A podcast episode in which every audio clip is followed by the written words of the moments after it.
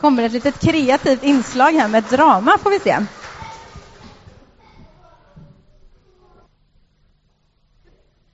Ha, Pelle, har du, har du tagit min telefon? Jag, jag, eh, jag tittade bara på den, förlåt. Ja, Pelle, det är klart att jag förlåter dig.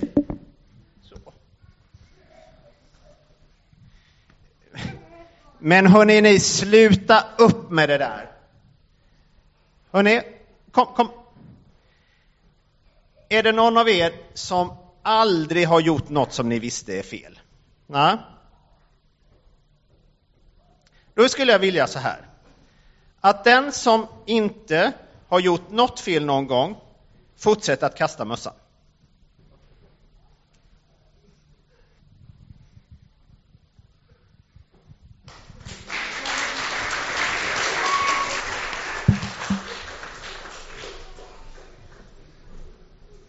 Så, nu fick vi ihop ett drama. Det var ju fantastiskt skönt. Ja, så här blir det när man lämnar en bok och säger ledare gör det här. Nej.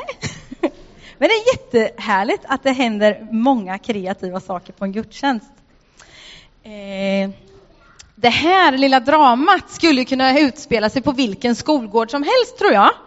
Att det liksom händer saker och man kanske ibland fortsätter lite längre än vad man tänker att det liksom är bra. Och just det här att man då och då får säga förlåt till varandra efter att det hänt något tokigt. En gång i Bibeln var det så här att Jesus han satt på en plats och liksom bara hade det lite lugnt en stund. Han hade faktiskt några lugna stunder.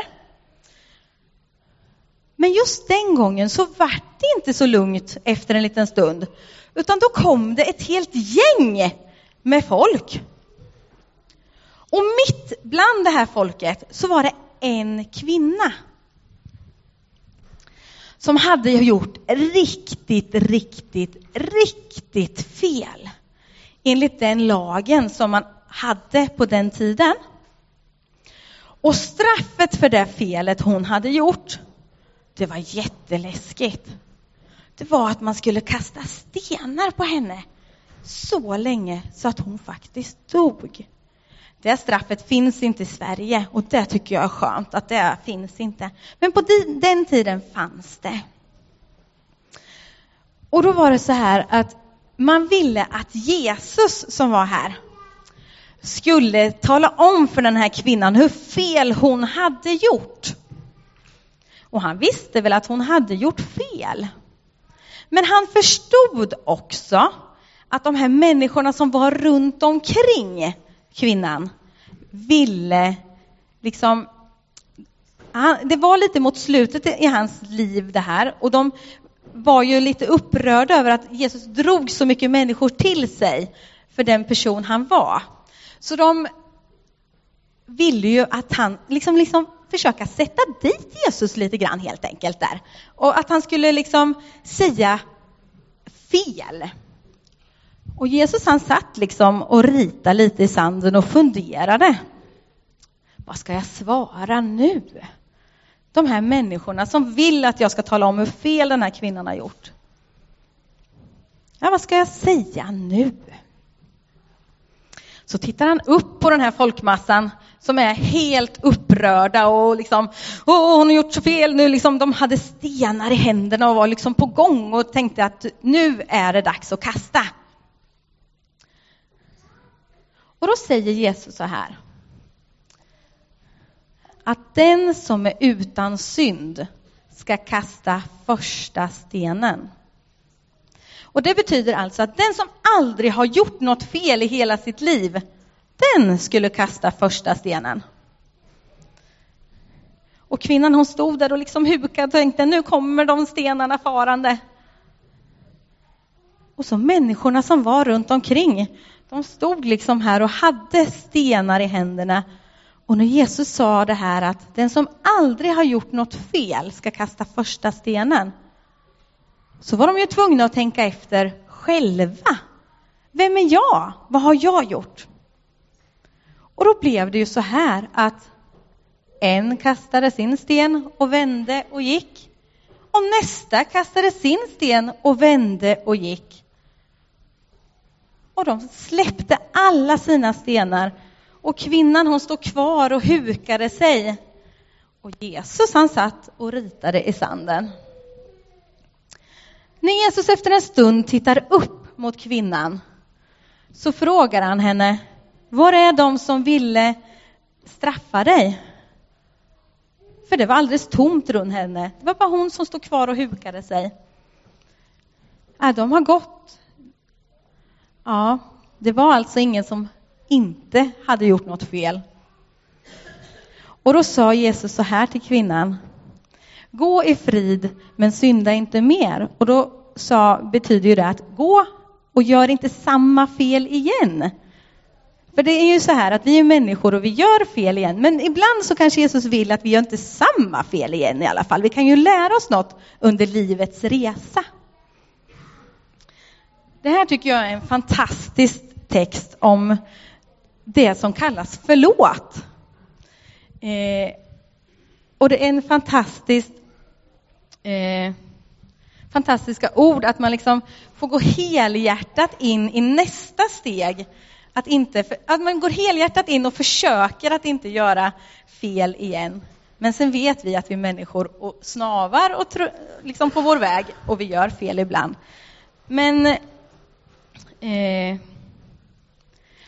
Jesus sa, jag tänker inte heller döma dig. Gå nu och synda inte mer. Eh, Jesus vill oss bara väl i allt vad vi gör. Och vill att vi ska lära oss saker. Det var så här en gång när jag var liten. Jag var kanske åtta. Då var det lite så här en gång när jag fick gå och säga förlåt. Ja, det var ju ett litet hyss vi hade hittat på. Det var jag och en kompis ifrån eh, Stockholm som var och hälsade på sin farmor och farfar som bodde på vår gata där vi bodde. Och där var vi lite kreativa på jullovet. Man kan ju vara lite tråkigt väder på jul och sådär slaskigt och tråkigt, då vill man inte vara ute. Och då var vi inne och skrev lite brev. Och det kan ju verka ganska harmlöst och, och bra. Att skriva brev är ju inte farligt, eller hur? Bara det att brevet vi skrev postades. Och i brevet så stod det så här. Att min grannpojke Johan, han var inbjuden på fest. Mm. Till en annan granne. Inte till mig, utan till en annan granne va? På en julgransplundring förstår ni, ställde jag till med. Ja, eh, och eh, Eh, på, det var ju på liksom 20 Knut där och 13 januari och då, det var ordnat och det var klockan fyra kanske eller något sånt där. Och klockan fyra så kommer den här lilla killen Johan och ringer på hos Susanne som den här flickan heter. Och mamman där fattar ju ingenting. Han finklädd och alltihop och så ska på julgransplundring. För att jag ett par veckor tidigare skrivit en lapp med ihop med en kompis. Alltså det här vart ju så pinsamt förstår ni. För att de fick ju börja titta på den här lappen och fråga runt lite i grannskapet om någon kände igen handstilen till sist, liksom, bland föräldrarna. Och så kom ju min mamma på då att oj, det här är nog min dotter som har skrivit, ja.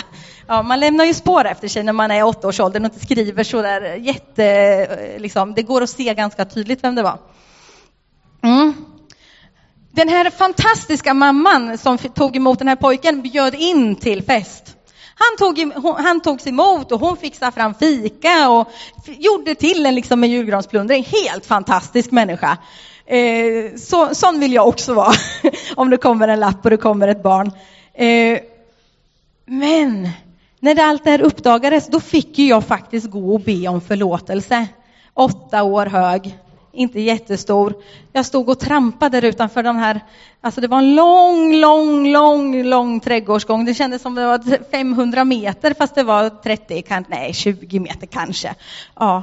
Men att gå och ringa på och säga förlåt.